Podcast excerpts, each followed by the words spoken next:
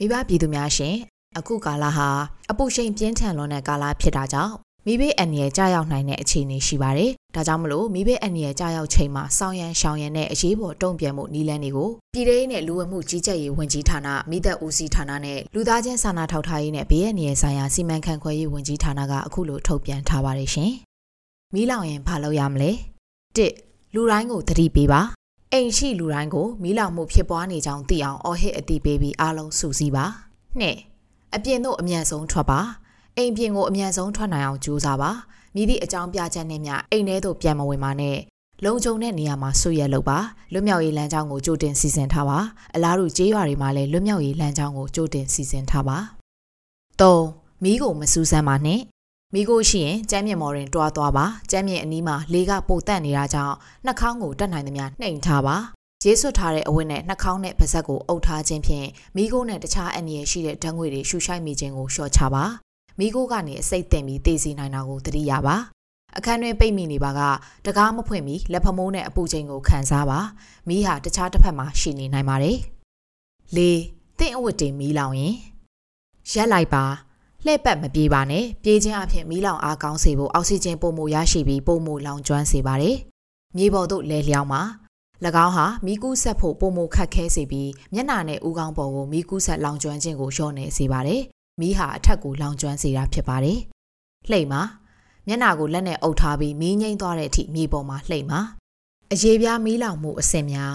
အရေးပြားမီးလောင်မှုမှာအဆင့်၄ဆင့်ရှိပါတယ်။ပထမအဆင့် first degree အရေပြားရဲ့အပြင်ဘက်အလွှာသာမီးလောင်ခြင်းဖြစ်ပါတယ်။အရေပြားဟာအနှဲငယ်လေးလောင်ခြင်းလိုမျိုးနှီးရဲနေပြီးနာကျင်တတ်ပါတယ်။ဒုတိယအဆင့် second degree ၎င်းအဆင့်မီးလောင်မှုကတော့အရေးပြားရဲ့နှက်ရှိုင်းတဲ့အလွှာတွေကိုထိခိုက်စေပြီးအနီရောင်ရမ်းခြင်းအရေးကြီးမှုတွေထွက်ခြင်းနဲ့နာကျင်စေပါတယ်။တတိယအဆင့် third degree တတိယအဆင့်မီးလောင်မှုကတော့နှက်ရှိုင်းပြီးအရေးပြားအလွှာအားလုံးကိုထိခိုက်စေပါတယ်။စတုထအဆင့် fourth degree စတုထအဆင့်မီးလောင်မှုဟာ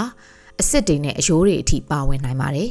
။အရေးပြားမီးလောင်မှုဖြစ်ရင်ဘာလုပ်မလဲ။ first degree second degree မီးလောင်ထံရတွေအတွက်အရေးပြားမကွဲပါက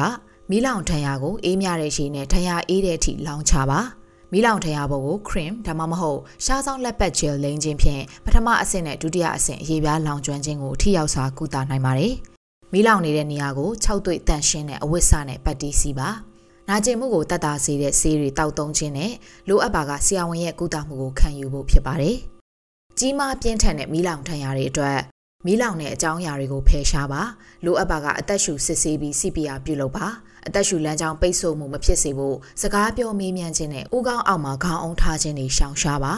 မီးလောင်ထဏ်ရာကိုရှည်ရေခဲရည်ဒါမှမဟုတ်ရေခဲနဲ့မကူတာတဲ့မှာအရေပြားပေါ်မှာကတ်နေတဲ့အဝတ်စားတွေကိုမဖယ်ရှားပါနဲ့ အရေးပြားပေါ်ကအရှိကြီးမှုတွေကိုမဖယ်ရှားပါနဲ့အပူလောင်နေတဲ့နေရာကိုဖိအားနဲ့ပုတ်တိုက်မှုတွေကကာကွယ်ပြီးထူထဲ6သွေ့တန်ရှင်းတဲ့ခြေတဲ့နဲ့ထုတ်ပိုးပါဒါမှမဟုတ်မီးလောင်ထရာကြီးမားပါကတန်ရှင်းတဲ့စာရွက်ကိုအသုံးပြုပါပြင်းထန်တဲ့မီးလောင်ထရာတွေကိုဆရာဝန်တွေရဲ့လမ်းညွှန်ချက်တွေနဲ့ကုသမှုခံယူပါအရေးပြားမီးလောင်မှုဖြစ်ရင်မလုံသင့်သောအရာများအရေးပြားမီးလောင်ထရာပေါ်မှာရေခဲအုပ်ခြင်းကြက်ဥများတုပ်လိမ့်ခြင်းအရေးကြီးမှုများအားဖောက်ခြင်း အစီများလိမ့်ခြင်းလုံးဝမပြုလုပ်ရပါ။